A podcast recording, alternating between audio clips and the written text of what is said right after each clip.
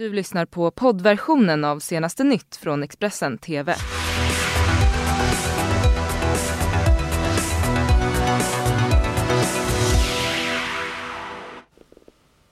Välkommen till eh, Sveriges vassaste live-tv-kanal nummer ett, Expressen TV och eh, Morgonmagasinets senaste nytt.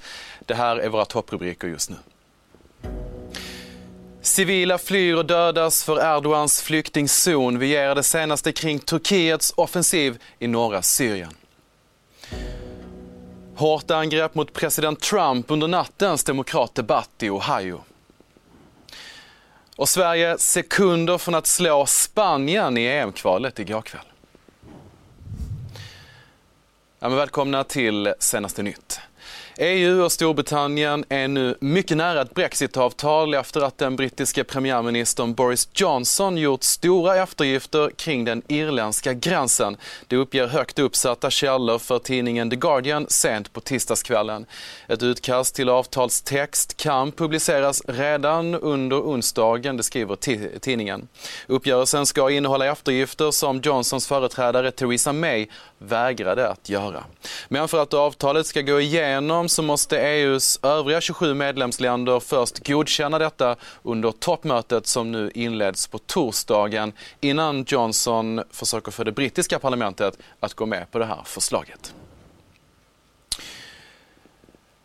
Ja, vi ska till eh, Turkiet och Syrien nu. Den turkiska offensiven eh, i norra Syrien tvingar nu Läkare utan gränser att avbryta större delen av sina insatser i området och kalla hem internationell personal. Det skriver organisationen i ett pressmeddelande. Det är ett mycket svårt beslut och MSF är mycket medvetna om behoven hos flyende och utsatta människor i området. Det står det i pressmeddelandet.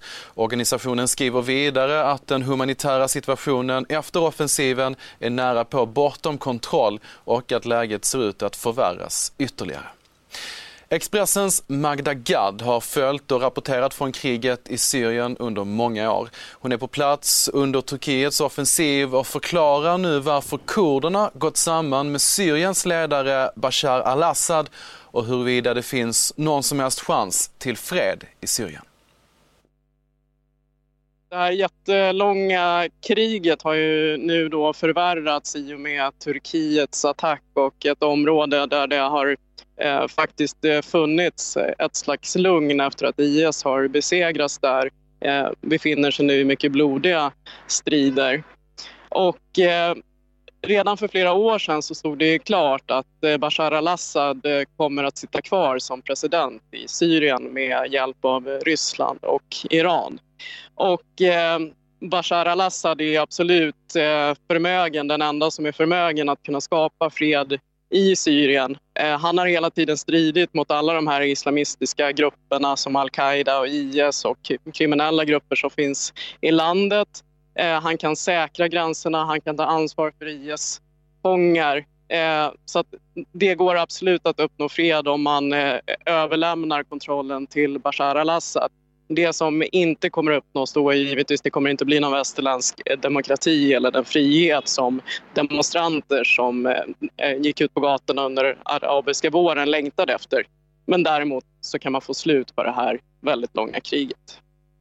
Folket i det här området har ju blivit formligen slaktade bara under den här veckan som den turkiska offensiven har pågått och kurderna behöver ju akut hjälp. Så att eh, kurderna har ju nu, då vänt sig till Bashar al-Assad och eh, Ryssland och även Iran-stödda paramilitära armén Hizbollah för att eh, helt enkelt klara livhanken eh, i den här regionen. Och det är ju en eh, ett tvärkast i det syriska kriget och i omvärldens beskrivning av kriget i och med att eh, man har sett sig som att man går in då på de goda sida mot de onda. Men nu har ju då de goda och de onda eh, gått ihop tillsammans och eh, stridit tillsammans.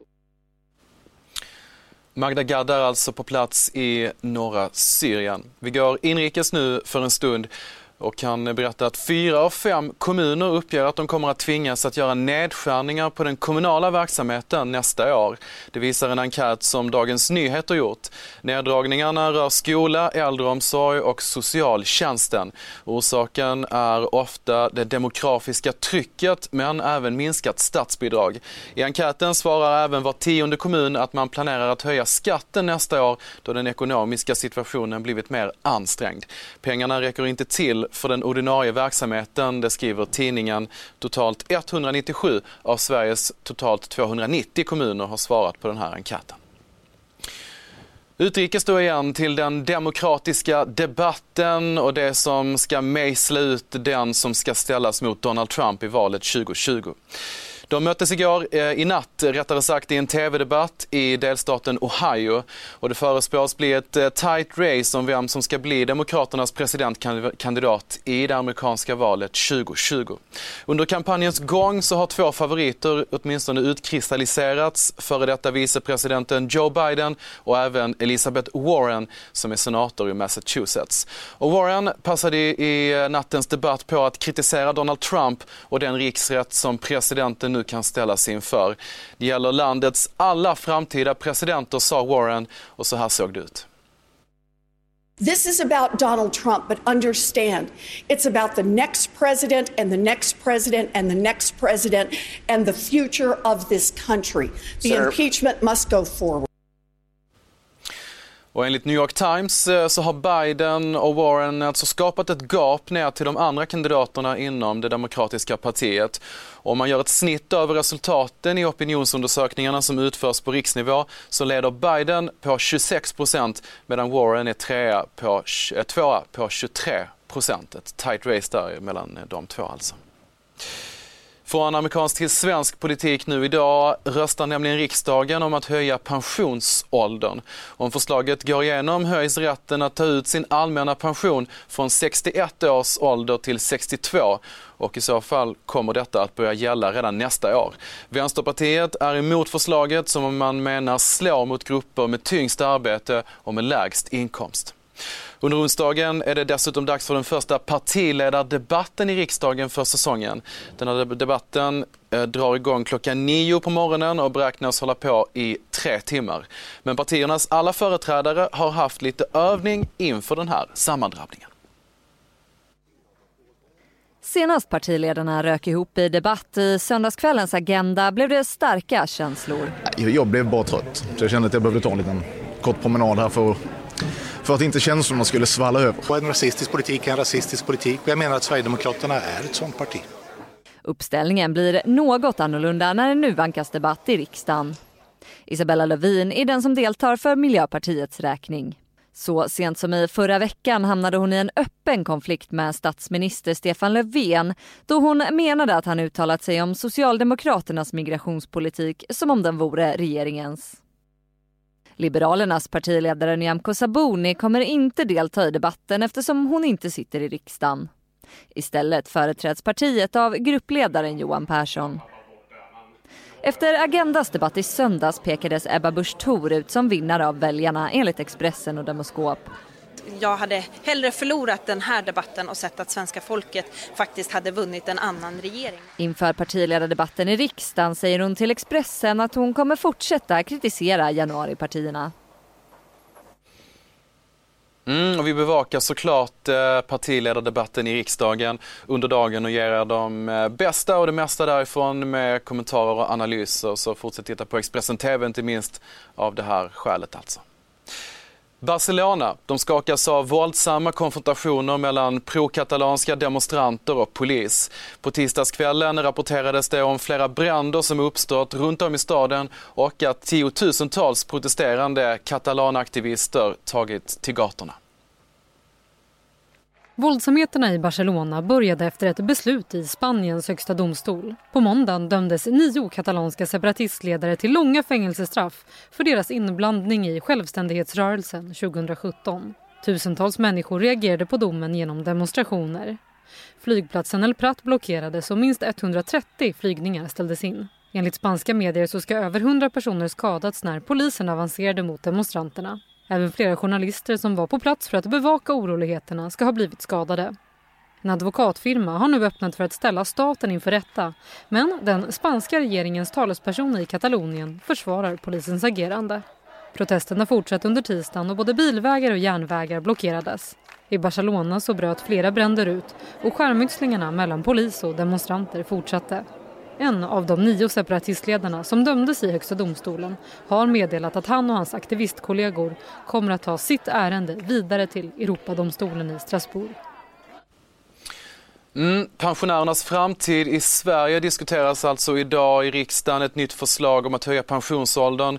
Eh, pensionärerna i Thailand, de svenska pensionärerna, eh, har också saker att ta itu med. Pensionärerna där riskerar nämligen att behöva teckna egna privata sjukförsäkringar efter att de nya visumreglerna snart träder i kraft i landet. Något som oroar svenskarna eftersom att många nu nekas på grund av för hög ålder, tidigare sjukdomar och för höga kostnader. Man kan inte ta en försäkring om man är över 70 år. Så det är problemet med min ålder.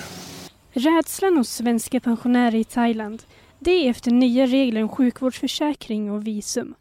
När svenskar flyttar till Thailand lämnar de socialförsäkringssystemet. Och eh, då möter vi människor som eh, har problem med, med sjukvårdsförsäkring. Eh, man kanske har en diagnos som gör att man inte kan få en försäkring eller det blir massa som inte kan tas med. Eh, och, då blir kanske försäkringen inte så mycket värd heller då, fast den kostar mycket fortfarande för det här är ju privata försäkringar. Andra så har åkt till Thailand för att eh, de, det var billigt i alla fall för några år sedan och då tyckte man att då kunde den låga pensionen ändå räcka längre, fick lite guldkant i livet.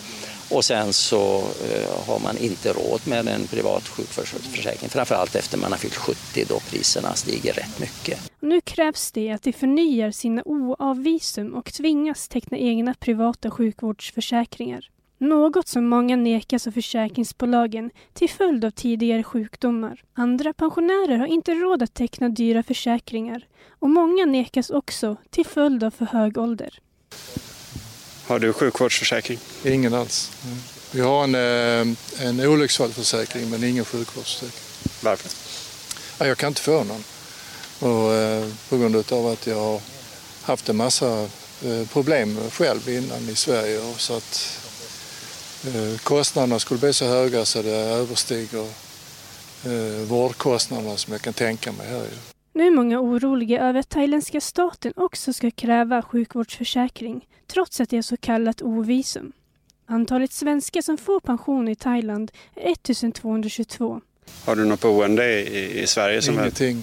Är... Jag är utskriven och varit utskriven sedan 2008. Så det, så det då kommer hem till absolut ingenting. Kravet på privat försäkring får pensionärer i Thailand att vädja till den svenska regeringen.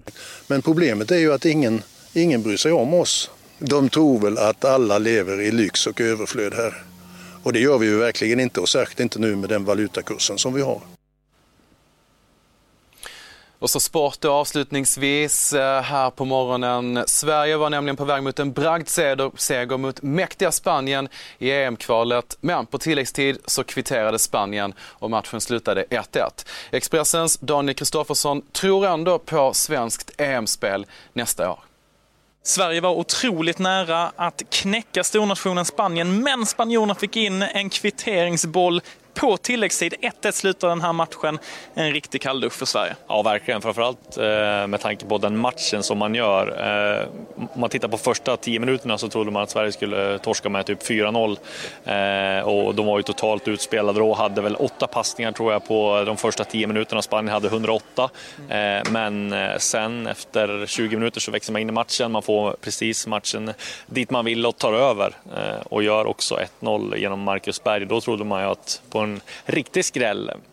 Eh, men det var lite Norge-vibbar det här på Ullevål när de får in det där sena kvitteringsmålet också. Så att eh, väldigt bittert med tanke på att Sverige gör en fantastiskt bra match. Och det var många individuella eh, insatser som tåls att hyllas. Ja, du har satt getingbetyg på den svenska elvan. Eh, vilka är det som sticker ut?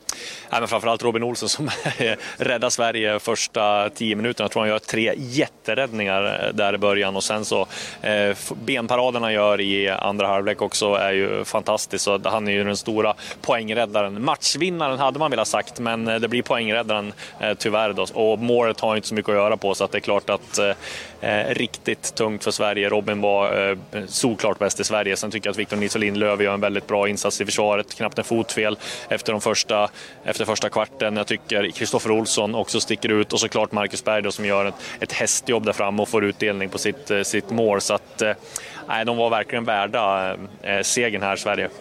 Och en poäng blir det alltså bara med två matcher kvar så har ändå Sverige ett rätt bra läge att ta sig vidare till EM. Man får nästan skicka tackkort till de norska spelarna som fixade en kvittering sent mot Rumänien, vilket gör att Sverige har kvar andra platsen. En poäng före Rumänien. Sverige möter Rumänien i nästa omgång. En riktig ödesmatch.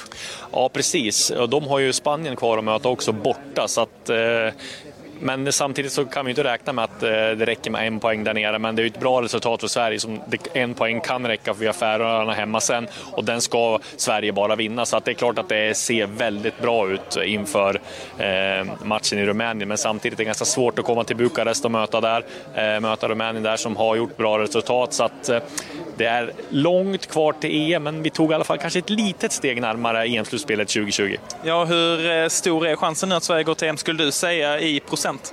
Den är ganska stor. Vi har ju en andra chans i Nations League också, så jag skulle väl säga att det är ungefär 80-20 nu då, eh, efter den här eh, övertygande poängen. Men hade det varit en seger så hade jag nog sagt eh, 95-5. Så att, nej, bittert såklart, men en poäng hade man ju på förhand kanske varit nöjd med som svensk förbundskapten. Och det är klart att Jan Andersson var förbannad och nära att åka upp på läktaren i början av matchen.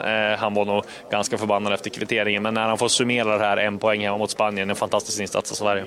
Ja, riktigt jobbigt för Sverige att alltså släppa in 1-1 mot Spanien. Det är en poäng de tar med sig. Två omgångar kvar och trots eh, det här snöpliga slutet på Friends Arena så ser ändå vägen rätt ljus ut mot EM nästa sommar.